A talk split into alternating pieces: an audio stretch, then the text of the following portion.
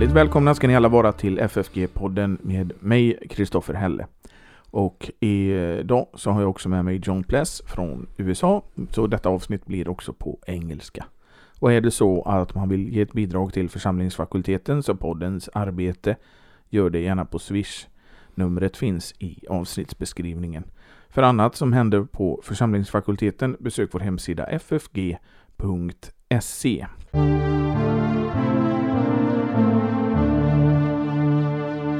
And I say welcome back to you, Professor Pless. Very good to be back with you. Thank you.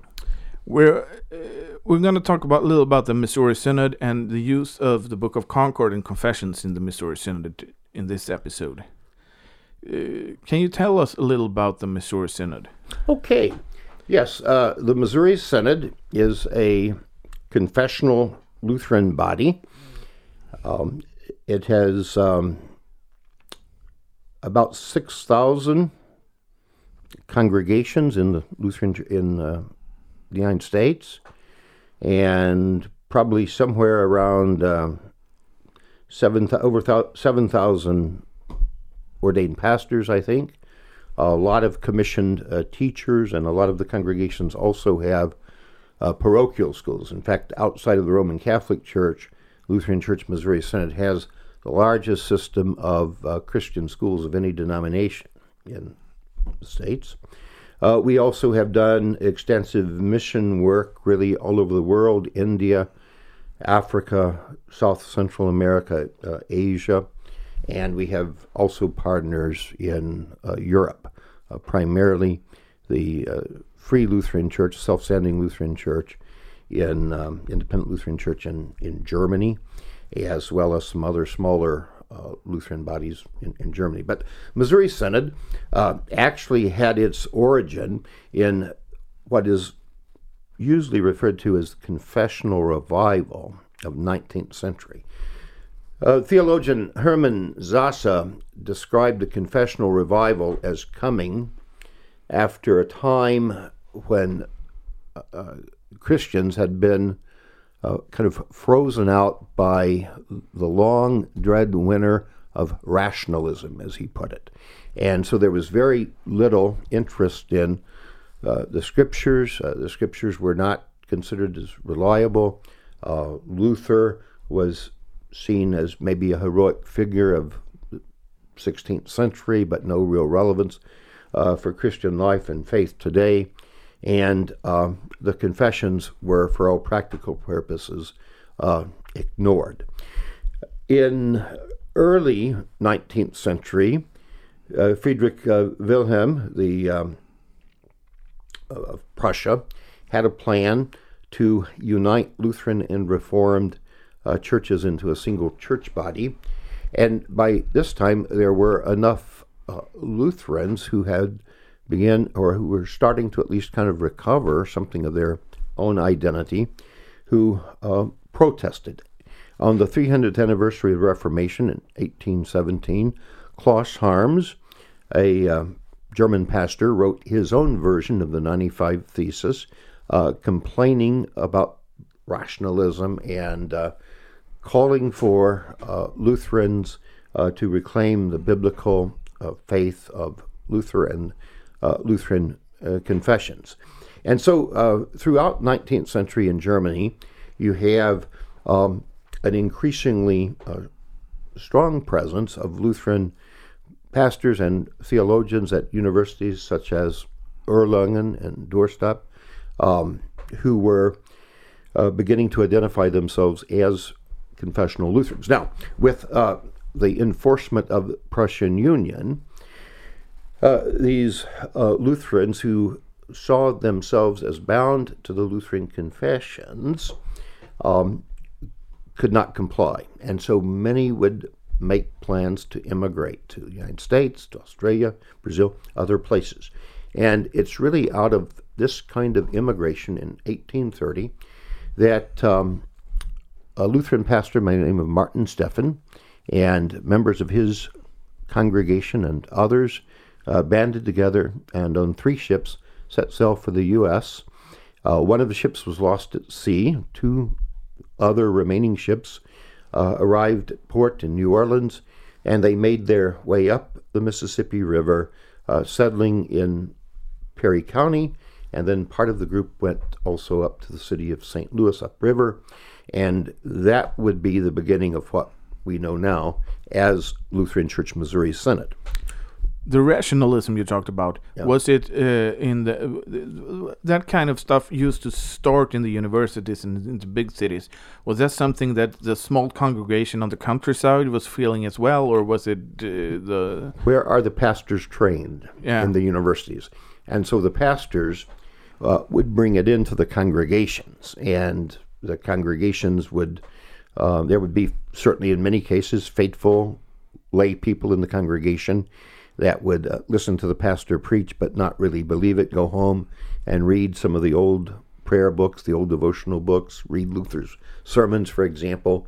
And so the faith was kept alive. And uh, then there were other professors who had, or pastors who had been trained in rationalism, but uh, had something of a conversion experience to uh, an authentic and biblical faith and, and rediscovered Luther and uh, the confessions. And uh, it was really, as I said, out of that movement that um, a, a young Leipzig student by the name of C.F.W. Walther, Carl Ferdinand Wilhelm Walther, uh, him, who had never been kind of captivated by rationalism, but had listened to the rationalistic professors, really found his spiritual life within the context of what was called a conventicle or a kind of a pietistic prayer book, a prayer group. But he never found any certainty of salvation there. He was always being directed back to his own experiences, his own feelings. And it was through the preaching of another young pastor, a pastor Martin Stephan, that Walther came to understand that God is completely reliable and trustworthy when in the preaching of the gospel, especially the absolution, he declares that your sins are forgiven and that uh, you belong to him. And, and so Walther um, was then kind of part of this confessional um, this confessional movement and would uh, follow Stephan when Stephan led this immigration to America. Now, by the time that happened, Walther had already been ordained and was serving a congregation, and and uh, there were several other pastors involved in the mig- in this uh, immigration. Now, not long after they arrived in Missouri, it was discovered that their man they had made their bishop, Martin Stephan, uh, was guilty of sexual impropriety with a number of women in the group, and he was um, defrocked and, and actually exiled from the colony. And then this colony of German settlers was in a state of spiritual turmoil. You know, what have we done? Have we even neglected God's right ordering of the church by leaving Germany and coming here? Maybe this is God's punishment uh, on us. Should we go back to Germany? And it was Walther who, on the basis of the scriptures, uh, Lutheran confessions, and the writings of 17th century Orthodox Lutheran theologians, was able to make a persuasive case that the church did not consist in a bishop or in a consistory or in some kind of hierarchy, but the Christian congregation is, as Augsburg Confession Article 7 says, wherever the Word of God is taught in its truth and purity, and the divine sacraments or the sacraments are administered in accord with the divine Word. And so Walther and the majority of the settlers would stay. Uh, they would be evangelistic in reaching other German immigrants who were uh, coming to the United States, not necessarily for religious reasons, sometimes just to avoid uh, political or economic conditions in Germany. But the group would grow. Uh, there would be a number of congregations uh, then that would organize in, um, in I think, in 1847 uh, in Chicago. Um, and and they would organize into what would come be called the eventually Lutheran Church Missouri Synod. And kind of a hallmark of the Missouri Synod was its um, commitment to the Lutheran confessions as a correct ex- exhibition of the Holy Scriptures. And so the Missouri Synod took a view that the confessions actually are in accord with Scripture, and we hold to these confessions because they accurately confess, that is, say back to God what He has said to us in His inspired Scripture. You you you said two things that I want to follow up on. You said he was in a pietistic group, Right. and uh, which um, you know which kind of pietism it was. That's a good question. It was, um, I'm using pietism here in a very general way. Uh, I don't know that it was uh, connected to any one uh, kind of leader in that part of the early 19th um, um, century. I mean, obviously, pietism goes back a lot longer to Philip Jacob Spener and um, and uh, and and Halle and and uh, you know men and movements in the late uh, 17th century. But when I say pietistic, I'm using that in a more generic way, Okay, yeah. where the the group would meet together for the study of Scripture and prayer, and that became really kind of the center of their spiritual life. Yeah, they would still go to church on Sunday morning, but uh, it's the conventicle that they would really be nourished. But in this conventicle, then, uh, there was the stress on um, knowing that you are saved. And how do you know you're saved? Not from the proclamation of Christ's word in the gospel, but by coming to a emotional kind of understanding that now I am indeed among the elect. I'm saved.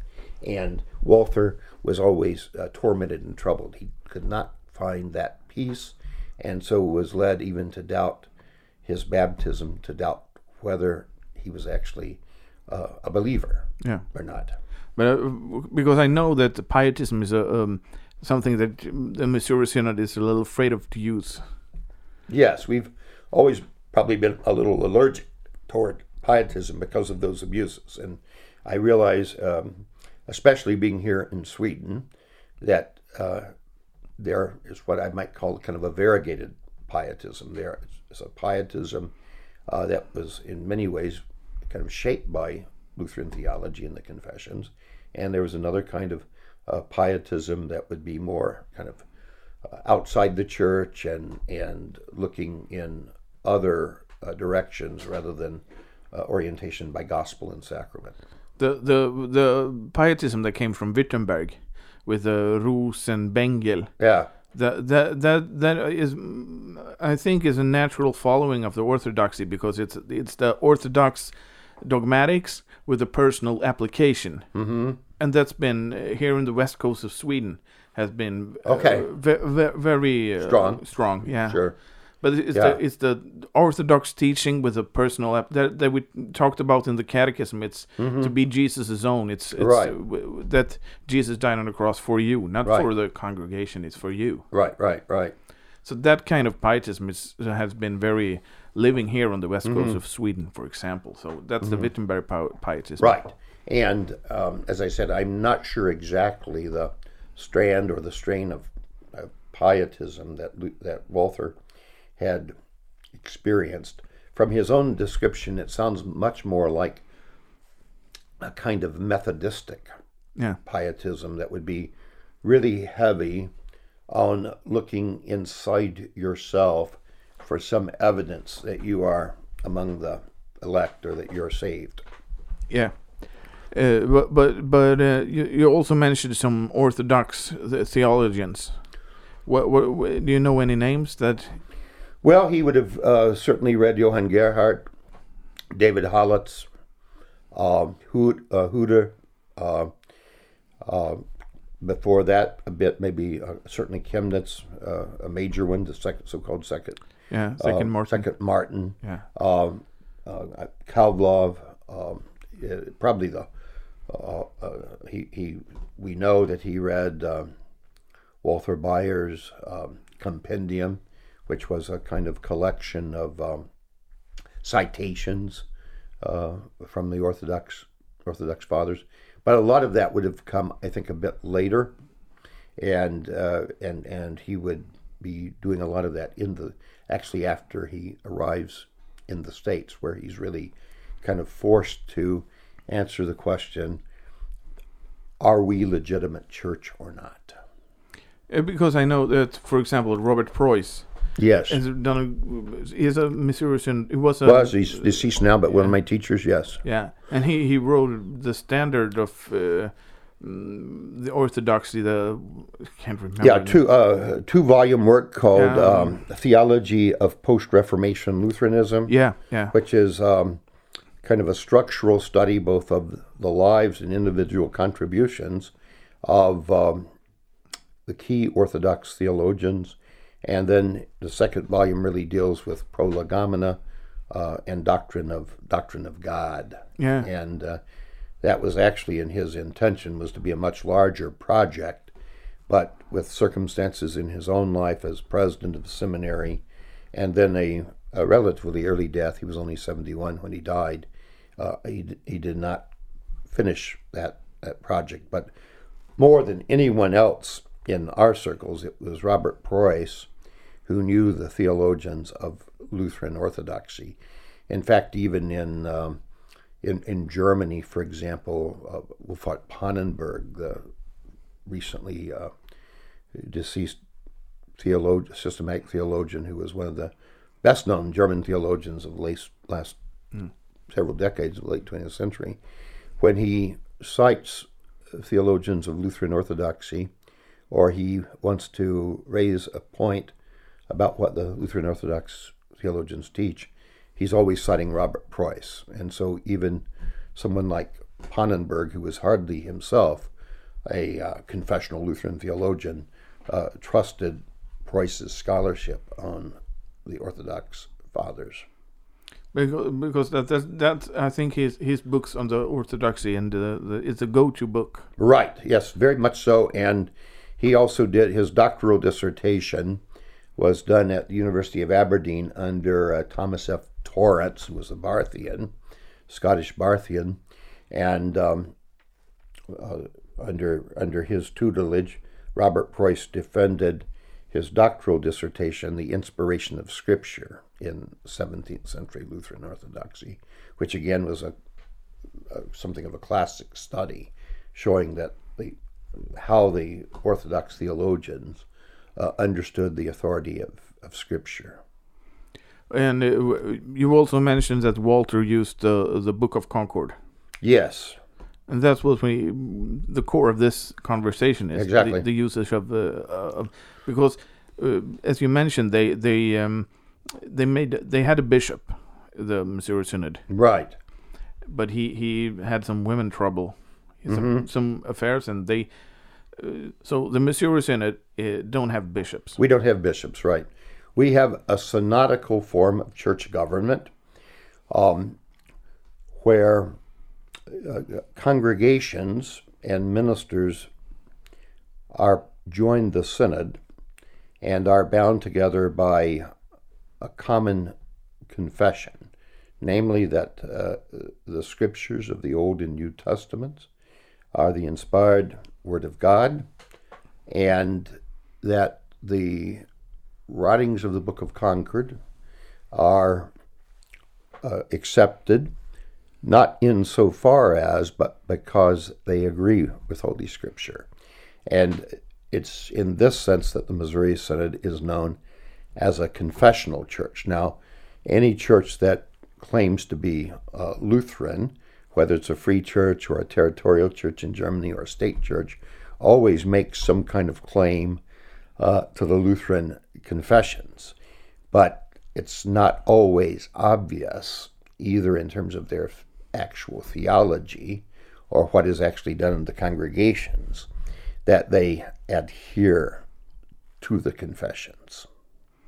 But but here in, in Sweden we have this is a Roman Catholic background, Right. and and and it's been a state church for 500 years. I Understand? almost. Yeah, yeah. Uh, But that's still fascinating with the Missouri Synod. But it's it's a Lutheran church from the beginning.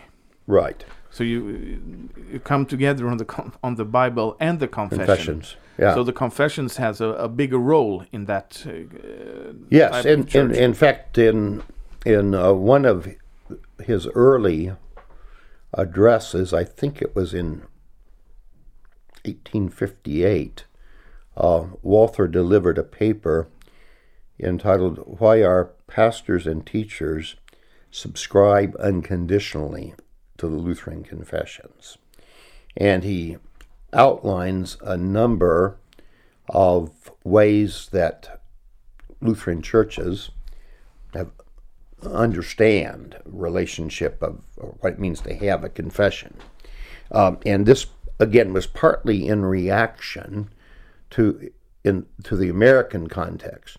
Uh, rem- there were Lutherans who were in the United States uh, many years before the Saxons arrived in the 1830s, uh, especially uh, Lutherans on the East Coast, who in many ways by this time had been Americanized. They were speaking in English. Uh, they were descendants of um, Lutherans who came primarily from Germany, although there were Swedish Lutherans there uh, too very early on, but that would be kind of another story. I think there was a in Delaware there was a park Yep. called New Sweden. Yeah, There was a village in Delaware, New Sweden, and that was already in the late 1600s. Yeah. Uh, interestingly enough, uh, the those congregations which were originally Church of Sweden uh, all became Episcopal. Uh, and, and even though they had the Swedish Lutheran uh, heritage, when they could not get priests from the Church of Sweden, then they simply took priests from the Anglican Church uh, because they recognized in the Anglicans the uh, Episcopal office and uh, were frankly more concerned about that than actually having uh, a Lutheran a Lutheran confession. But that would take us a little far afield if we were to talk Yeah. about um, uh, that aspect of American Lutheran history. But the uh, Lutherans on the East Coast were uh, many times identified as American Lutherans. One of the professors on the East Coast was a man by name of uh, Samuel Simon Schmucker, um, taught at Gettysburg Seminary in Pennsylvania. Uh, some of your hearers might be familiar with Gettysburg because of the big Civil War battle that was fought there, right on the edge, by the way, of the seminary campus. And uh, but at, at any rate, Schmucker uh, said that if we are going to be Lutheran in America, we need an American recension of the, the Augsburg Confession. And he said the Augsburg Confession is basically a pretty good statement of faith, but it contains several errors that need to be corrected. It teaches baptismal regeneration, it uh, retains confession and absolution, it um, maintains a view of Christ's body and blood being present uh, in the sacrament. It um, rejects um, the obligation of the Christian Sabbath, and and that he wanted to kind of smooth away what he saw those rough edges of the Augsburg Confession that would make it impossible uh, for other Protestants uh, to join with the Lutherans. And he believed that if you had a kind of a revised version of the Augsburg Confession, uh, the Lutheran Church would be ecumenically more attractive and evangelistically more effective. And, and so uh, it was under his leadership that American East Coast Lutheranism takes a, uh, kind of profoundly uh, non confessional view of what it means to be uh, Lutheran. Now, there were others who opposed Schmucker. One of his uh, students, Charles Porterfield Krauth, uh, would come to take a position much more closely related to that of of Walther. But again, that would be you know a, a kind of another story for another time, another day. At any rate, uh, Walther notes that there were some Lutherans, like Schmucker, who were saying, We agree with the confessions, quia, to use the Latin term, insofar as they are in agreement with Scripture. Now, on surface, that sounds to be very reverent, very pious, that we're not putting confessions above Scripture, uh, that we all agree with the Scriptures, or the confessions only if they are in agreement with uh, the Scripture. However, Walther noted in that essay that we could subscribe to the Quran on that basis, that there are parts of the Muslim holy book, the Quran, that are in agreement with Scripture. And just because it's in the Quran, we don't believe it is, uh, you know, bad. So when the Quran teaches the commandments of God or the Ten Commandments natural law, yeah, we would be in agreement with that. But you can subscribe, what Walther said, to any book insofar as. And the real question for the Lutheran is to ask the question do these documents actually agree with Scripture? And if they do agree with Scripture, we are to embrace them as such. And there were other variations of different ways of trying to describe confessional commitment. Some would say, well, we agree with the confessions in the sense that we agree with the historical spirit. If we were there, we would have also joined in their protest against Rome. Or we accept the Lutheran confessions uh, insofar as they are uh, in a line with the other Protestant confessions. Uh, and, and Walther kind of goes through each of those positions, and I haven't cataloged them all here. You can read about them in this essay. Um, and argues that no, we agree with the confessions because we've actually read the Bible and we've tested the claims of the confessions over against what is there in Scripture. And we believe that these confessions of the 16th century uh, actually say the same thing as the scriptures are saying, and that this is going to be the basis for our life together. That if we're going to have pastors, uh, they will be pastors who have been trained and educated in Scripture and the confession. They will be examined on the basis of their holding the sound doctrine, and likewise, congregations will be admitted on the basis of a congregation, saying that they are also committed to the same confession. And the confession is that what keep keeps us Lutherans, confessional Lutherans, together. It's right, exactly. Because and, and, so there's no kind of external authority like a church hierarchy no. or a bishop, or uh, the requirement that you have in some Lutheran churches that uh, if the congregation is a member of a Lutheran church body and the congregation decides to leave the, that body, they would forfeit all of their property. And in the Missouri Synod, it was very clear congregation retains the right of property. Congregation retains the right to call its own pastor. So a congregation cannot have an ungodly pastor imposed on it or an unbelieving pastor. That the congregation has uh, the right to call uh, a pastor. But that thing that that's something I think is important that the congregation has the opportunity to call their own pastor. Yes. It's not appointed f- from above. It's right. the congrega- congregation right. that calls the pastor. And and also, you know, with uh, what we might call the polity or way of church governance, um, the Missouri Synod has recognized again with the Lutheran confessions that matters of church government or polity are of human right and not divine requirement. Uh, that uh, Luther, the Lutheran Church, therefore, historically has existed and even flourished under a number of forms of church polity. So there have been authentic Lutheran churches with episcopal polity, other authentic Lutheran churches with a congregational polity. Uh, others, as I said, like ours, with a synodical form of church government. And uh, probably some you know hybrid mixtures uh, uh, in between those you know uh, different types. But the the point again that the confession makes that the church is bound together in the unity of faith around the pure preaching of the gospel of Jesus Christ and the right administration of his sacraments. Yeah.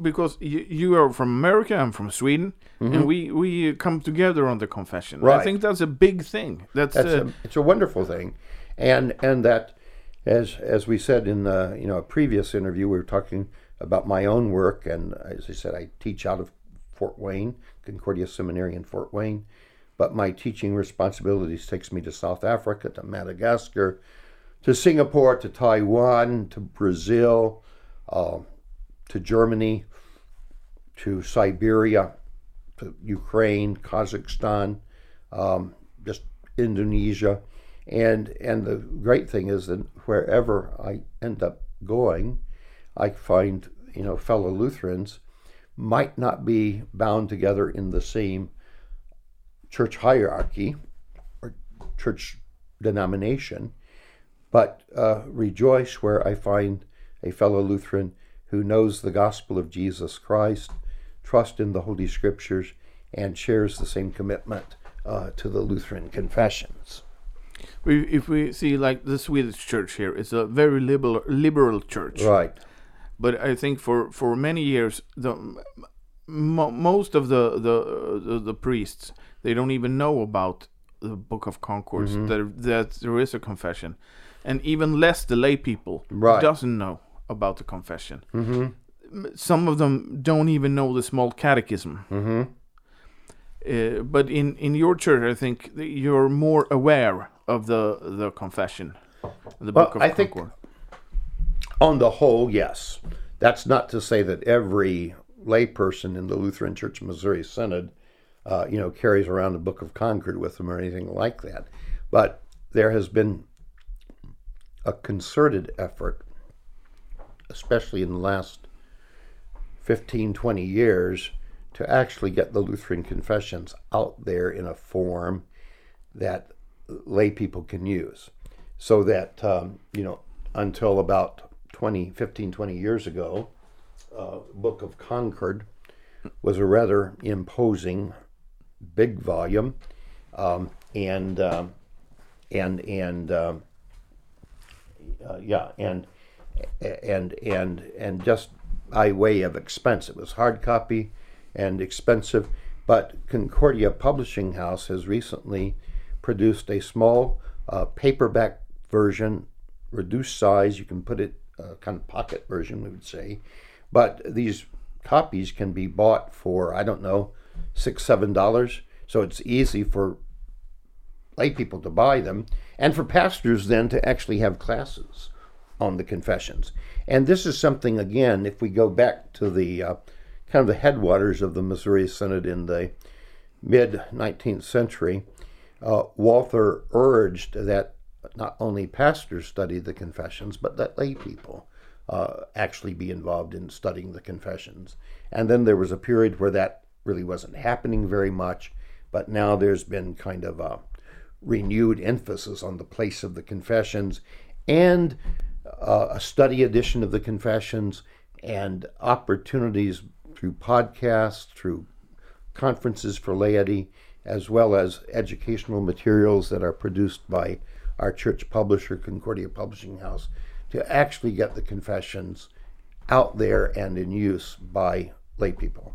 Yeah, but I think some of the most interesting uh, scholars, uh, uh, I think, uh, about the confession comes from uh, the Missouri Synod. I think, about, for example, uh, the the work on the Formula of Concord by Robert Kolb is Right, amazing. exactly. Yes, Robert Kolb and uh, Chuck Arand, two Yeah. of my com- uh, colleagues from uh, the seminary in in St. Louis, and um, and and and there certainly are others, but they are men who are well known outside the Missouri Synod, also in Europe as scholars of uh, the 16th century.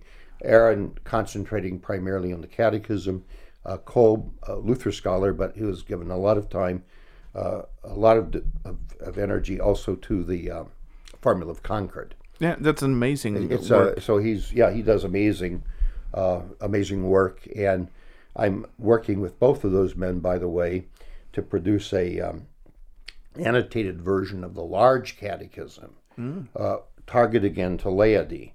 Uh, and we hope to have that out about a year from now. We have most of the work done on it, but you'll have Luther's text of the large catechism, notes at the bottom of the page, and then about 70 what we are calling excursive or interpretive essays that will take various themes from the large catechism and draw out implication uh, for some contemporary issues. That sounds very interesting, actually. Well, maybe once the book's out, you'll have to get me back on another podcast. Of course I have that. to, yeah. Yeah, yeah. So that was really nice talking to you about this uh, subject, and I think it's a very interesting to talk. uh, You're from the United States, I'm from Sweden. We we come together on this Yeah. interesting topic, and I think it's It's interesting. It's been great to spend this time with you, and uh, thank you for having, me on the show. Thank you. Okay.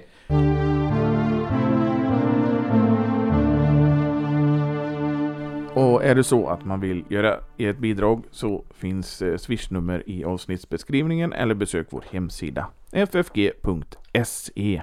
Tack så mycket, vi hörs nästa vecka.